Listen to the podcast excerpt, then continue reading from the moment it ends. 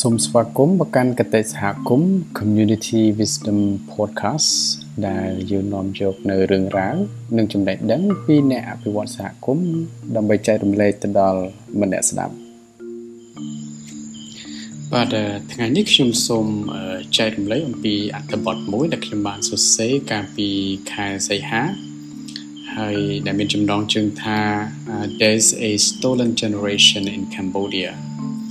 មាន stolen generation នៅក្នុងប្រទេសកម្ពុជា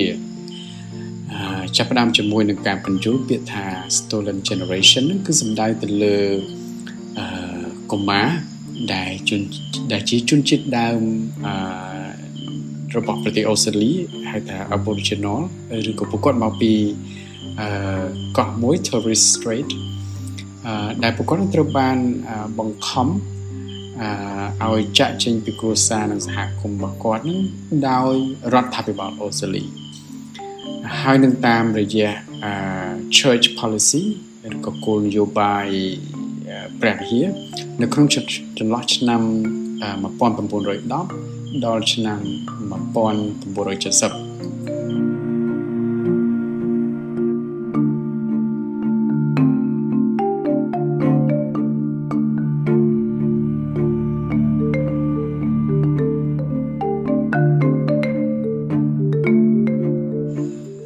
គោលបំណងសំខាន់នៃគោលនយោបាយទាំងអស់នោះគឺក្នុងគោលដៅដែលចង់បញ្ចូលកុមារជនជាតិដើមឲ្យទៅរស់នៅនៅក្នុងមជ្ឈដ្ឋានក៏វប្បធម៌របស់ជនជាតិស្បែកសហើយរូបភាពទាំងអស់នោះគឺក្នុងទម្រង់ដែលកុមារនោះត្រូវបានដាក់នៅក្នុងមណ្ឌលថែទាំឬក៏នៅក្នុងផ្ទះអឺចិញ្ចឹម ដែលជាទៅទៅជាទូទៅ គឺពួកគាត់ទទួលរងនៅអំពើហិង្សាការមាក់ងាយក៏ដូចជាការរើសអើងផ្សេងផ្សេង stolen generation នឹងគឺជាអតិពលអាក្រក់មែនទែនទៅដល់ជនជាតិដើមនៃប្រទេសអូស្ត្រាលីដែលប៉ះពាល់ទៅដល់សុខភាព ផ្លូវកាយផ្លូវចិត្តក៏ដូចជាអត្តសញ្ញាណហើយនឹងវប្បធម៌របស់គាត់ដែលគាត់ជាម្ចាស់ទឹកដីគឺជាអ្នករស់នៅនៅលើទឹកដីអូស្ត្រាលីមុនគេបំផុត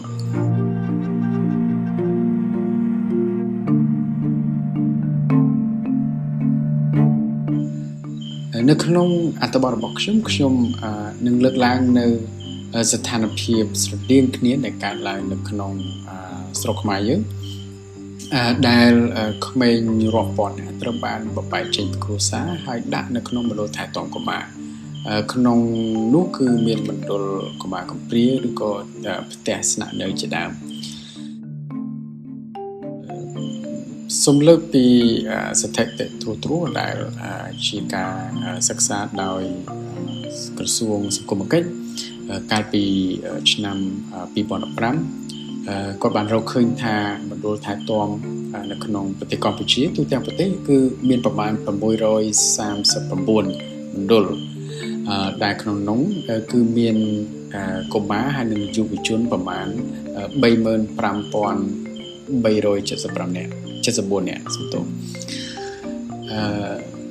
មានការប៉ានប្រមាណមួយលើកឡើងថា80%នៃពួកគាត់ហ្នឹងគឺមានឪពុកម្ដាយដែលកំពុងតែរស់នៅទេមែនតើទៅគាត់ពួកគាត់មិនមែនជាកុមារកំព្រាសុទ្ធសាធនោះឡើយអ្វីដែលមានការសិក្សាស្រាវជ្រាវមួយបន្ថែមទៀតបានលើកឡើងថាចំនួនកុមារចំនួនមណ្ឌលកុមារកំព្រាកើតឡើងគឺស្ទុះស្របទៅនឹងចំនួនការឡើងនៃ ភ្ញៀវទេសចរដែលចូលមកស្រុកខ្មែរក្នុងរយៈពេល10ឆ្នាំពីចន្លោះឆ្នាំ2005ទៅ2015ហ្នឹងគឺមើលឃើញថាការកើនឡើងនៃមណ្ឌលថែទាំហ្នឹងគឺកើនឡើងប្រមាណ70 75%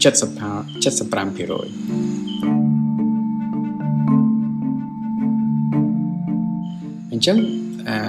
តែនេះគឺមានការទាញនៅការសន្និដ្ឋានថា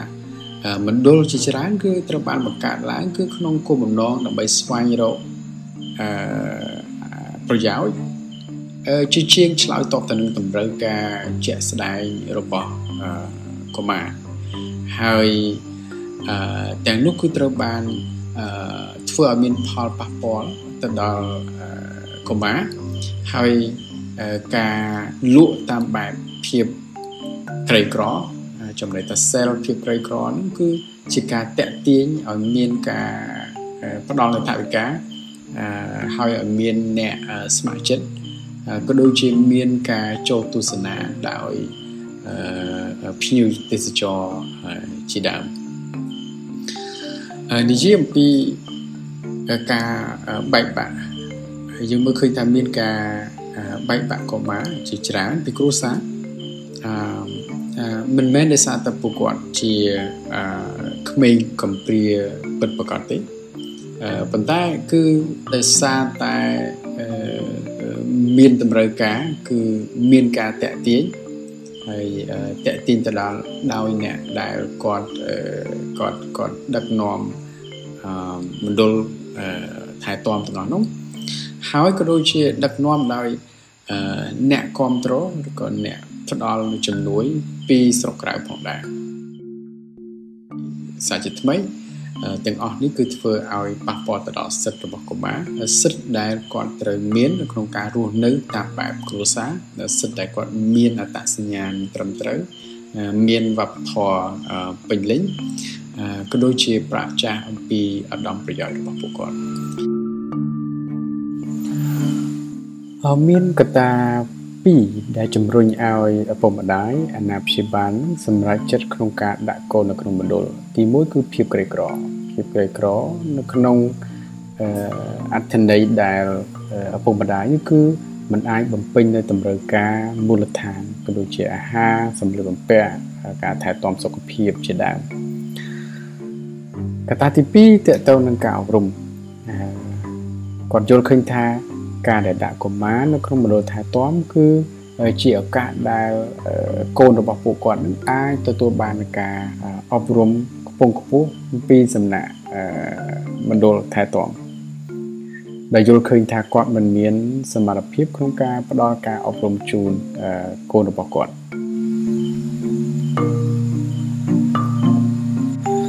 ទោះជាយ៉ាងណាក៏ដោយឪពុកម្ដាយក៏ដូចជាអាណា ព្យាបាលទាំងអស់នោះគឺជាទូទៅគាត់មិនមានព័ត៌មានគ្រប់គ្រាន់ឬក៏មិនបានយល់ដឹងអំពីផលប៉ះពាល់ជាអវិជ្ជមានដែលបណ្ដាលដោយមណ្ឌលថែទាំកុមារដែលជាអតិពលមិនល្អទៅដល់ការវិវត្តផ្នែកបញ្ញាស្មារតីនិងសុខុមាលភាពជាទូទៅរបស់កុមារការសិក្សាស្រាវជ្រាវ មួយទៀតដែលធ្វើឡើងដោយសាកលវិទ្យាល័យ Columbia នៅក្នុងឆ្នាំ2015អឺតកតងទៅនឹងកុមាររស់នៅក្នុងមណ្ឌលថែទាំនៅក្នុងប្រទេសកម្ពុជានឹងអឺបង្ហាញថាកម្រិតនៃការអភិវឌ្ឍការយល់ដឹងជំនាញភាសាការលូតលាស់រាងកាយហើយក៏ដូចជាសុខភាពផ្លូវចិត្តនឹងគឺអឺទៀបជាងកុមារដែលរស់នៅតាមបែបគ្រួសារហើយការសិក្សាផ្សេងផ្សេងទៀតក៏បានបង្ហាញថា អត្រាខ្ពស់ចំណែកថាកុមារដែលគាត់រស់នៅក្នុងមណ្ឌលគឺមានអត្រាខ្ពស់នៅក្នុងការកើតនូវជំងឺធ្លាក់ទឹកចិត្តថប់អារម្មណ៍ជំងឺ stress ក្រោយទទួលប៉ះទង្គិចនៅបញ្ហាផ្លូវចិត្តផ្សេងផ្សេងហើយគឺមានការចង់ធ្វើអត្តឃាតច្រើនបើធៀបទៅនឹងកុមារដែលរស់នៅតាមបែបគ្រួសារ មានការសិក្សាស្រាវជ្រាវមួយទៀតដែលធ្វើឡើងដោយក្រសួងសង្គមគិច្ចនិងអង្គការ UNICEF កាលពីឆ្នាំ2017បង្ហាញថាកុមារប្រមាណ52%ដែលរស់នៅក្នុងមណ្ឌលថែទាំនេះគឺมันមានទំនាក់ទំនងតទៅសោះជាមួយគ្រួសាររបស់ខ្លួនម្ដងបច្ចុប្បន្ននៅក្នុងឆ្នាំ2022យើងមើលឃើញថាប្រទេសកម្ពុជានឹងគឺនៅមានមណ្ឌលថែទាំប្រមាណ 194មណ្ឌលនេះបើតាមការអឺរបាយការណ៍ចុងក្រោយរបស់ក្រសួងសង្គមគិច្ចហើយកុមារនិងយុវជន គឺមានប្រមាណ6313នាក់ហើយទាំងនេះគឺបង្ហាញអំពី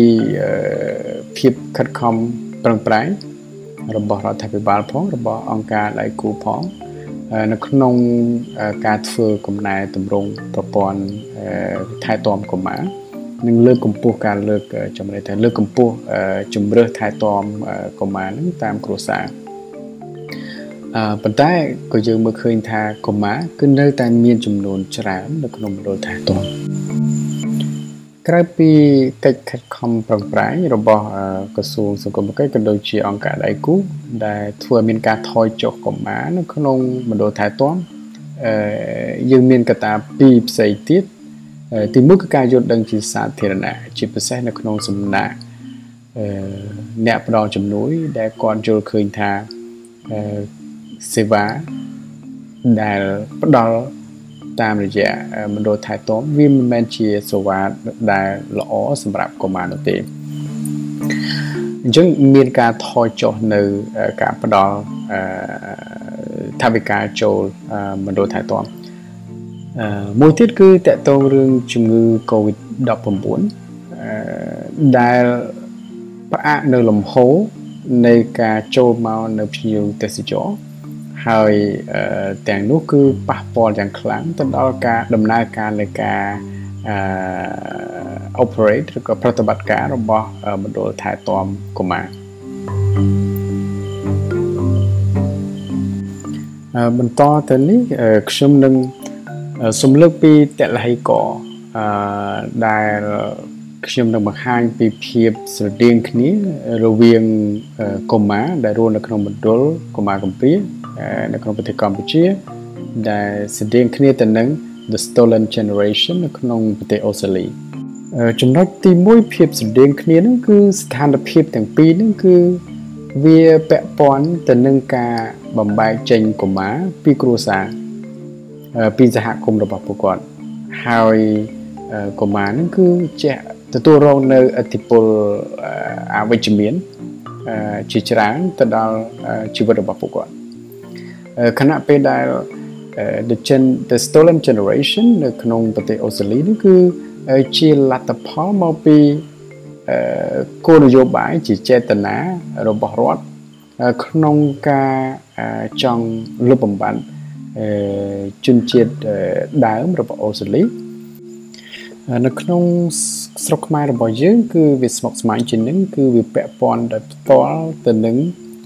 ភាពក្រីក្រ ចំណុចទី2ភាពសម្ដែងគ្នាត្រង់ថារឿងនេះកើតឡើងដោយជះឥទ្ធិពលដោយកត្តាប្រវត្តិសាស្ត្រហើយនិងនយោបាយដូចជាអាណានិគមហើយនិងសង្គ្រាមជាដើមអញ្ចឹងទាំងនេះវាប៉ះពាល់ដោយផ្ទាល់ទៅលើស្ថានភាពឬក៏ដំណើរការនៃការរស់នៅរបស់ជនជាតិដើមសម្រាប់កម្ពុជាយើងគឺយើងមានការរស់នៅ កន្លងមកគឺដែលការថែទាំនៅក្នុងទម្រង់ជាច្រើនតាមបែបគ្រួសារជាជាងដាក់កូននៅក្នុងមណ្ឌលថែទាំចំណុចទី3ស្ថានភាពទាំងពីរនេះគឺយើងមើលឃើញថាកើតឡើងដោយការសន្មត់ខុសអំពីថាអ្វីដែលល្អបំផុតសម្រាប់កុមារអញ្ចឹងមានការជឿថាកុមារនឹងគឺរស់នៅល្អជាង នៅក្នុងមណ្ឌលឬក៏គ្រួសារដទៃជាជាងគ្រួសាររបស់ខ្លួនបើសិនបើយើងនិយាយអំពី the stolen generation វាផ្អែកទៅលើគេហៅថា racist ideology ចំណុចថាមនោគមវិជ្ជារើសអើងពូជសាសន៍ដែលមានចេតនាចង់លុបបំបាត់ជនជាតិដើមនៅក្នុងប្រទេសអូស្ត្រាលីនេះស្ថានភាពនៅក្នុងប្រទេសកម្ពុជាគឺ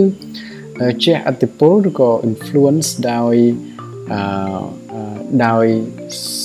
សប្បុរសធម៌ដោយ NGO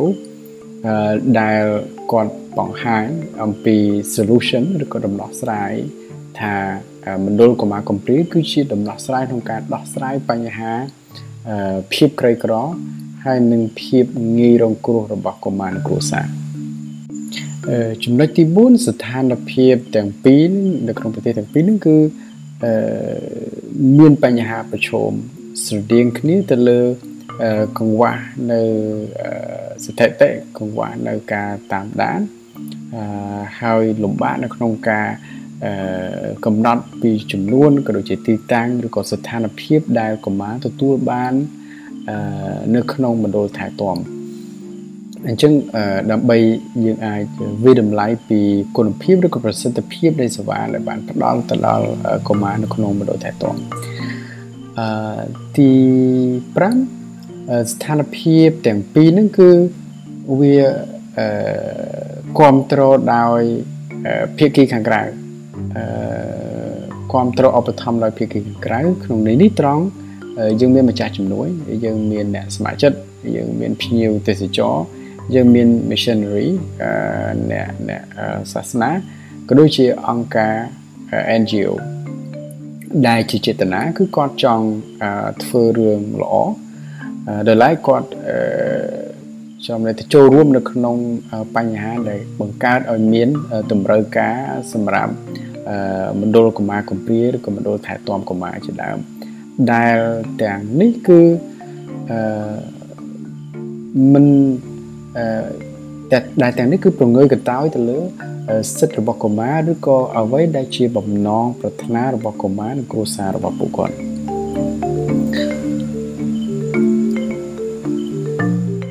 ផ្ទុយពីប្រទេសកម្ពុជា The Stolen Generation នៅអូស្ត្រាលីទទួលបាននៅការទទួលស្គាល់ឬក៏គ្រប់គ្រងឬការចេញមុខជាសាធារណៈរបស់រដ្ឋាភិបាលអូស្ត្រាលីនឹងក្នុងការសុំទោស ទៅដល់ Aboriginal community ចំណែកសហគមន៍ជនជាតិដើមឬក៏មានការព្រួយផ្ដើមផ្សេងផ្សេងតកតទៅនឹងការផ្សះផ្សារវាងជនជាតិស្បែកសហើយនិងជនជាតិដើមអូស្ត្រាលីស្ថានភាពនៅក្នុងប្រទេសកម្ពុជាយើងនៅតែមិនមានការឲ្យលើកឡើងនៅការយល់ដឹងជាសាធារណៈឲ្យបានច្រើនជាងនេះ ហើយនៅតែមានការប្រងើយកតោយពីសហគមន៍អន្តរជាតិប្រងើយកតោយនៅក្នុងន័យដែលថាមានម្ចាស់ជំនួយ នៅតែបន្តជំនួយទៅដល់ផ្ដល់ជំនួយទៅដល់មណ្ឌលថែទាំនិងខ្វះកិច្ចសហការនៅក្នុងការគ្រប់គ្រងកិច្ចការងារសមាហរណកម្មកុមារទៅក្នុងគ្រួសារវិញហើយចំណុចចុងក្រោយ ដែលសំខាន់ជាងគេនោះគឺត្រង់ថាស្ថានភាពទាំងពីរនោះគឺតម្រូវឲ្យមានការដោះស្រាយដែលមានលក្ខណៈសពជ្រុងជ្រោយហើយនឹងមានការចូលរួមចូលរួមយ៉ាងពេញលេញអំពីកុមារខ្លួនឯងផ្ទាល់ហើយនឹងក្រុមគ្រួសារអឺដំណោះស្រាយនេះគឺត្រូវតែផ្ដល់ធនធានក៏ដូចជាការគ្រប់គ្រងដែលពួកគាត់ត្រូវការការពង្រឹង ចំណងតកតងចំណងរវាងសហគមន៍ហើយនិងគ្រួសាររបស់ពួកគាត់ហើយនឹងការគោរពនៅសិទ្ធិនៅវប្បធម៌នៅអត្តសញ្ញាណរបស់គាត់ផងដែរអញ្ចឹងត្រឡប់មកវិញការដោះស្រាយនៅក្នុងចំណុចនេះត្រង់ថាស្ថានភាពទាំងនៅក្នុងអូស្ត្រាលីក៏ដោយប្រទេសអូស្ត្រាលីក៏ដោយនៅក្នុងស្រុកខ្មែរយើងក៏ដោយគឺតម្រូវឲ្យដោះស្រាយដែលផ្ដោតសំខាន់ទៅលើ ឫសគល់នៃបញ្ហា ដែលបណ្ដាលឲ្យមានការបែកបាក់ពីគ្រួសារសម្រាប់ស្រុកខ្មែរយើងគឺបញ្ហាក្រីក្រ បញ្ហាអប់រំហើយទាំងនេះគឺត្រូវតែបន្តធ្វើការយ៉ាងសស្រាក់សស្រាំហើយនឹងការលើកកម្ពស់នៅការថែទាំតាមបែបគ្រួសារនិងតាមបែបសហគមន៍បាទហើយនេះគឺជាចុងបញ្ចប់នៃ អ្វីដែលខ្ញុំចង់ចែករំលែកថ្ងៃនេះសង្ឃឹមថាមិត្តស្ដាប់ទទួលបាននៅចំណេះដឹងថ្មីថ្មីហើយនឹងយល់ដឹងអំពីបញ្ហាឬក៏បញ្ហាប្រឈមសំខាន់សំខាន់ដែលកើតឡើងនៅក្នុងប្រទេសកម្ពុជាក៏ដូចជាឆ្លោះបញ្ចាំងអំពីអតីតកាលនៅក្នុងប្រទេសអូស្ត្រាលីផងដែរ អរគុណច្រើនសម្រាប់តាមដានស្ដាប់នៅក្នុង episode មួយនេះជួបគ្នានៅក្នុងឱកាសក្រោយទៀតសូមអរគុណ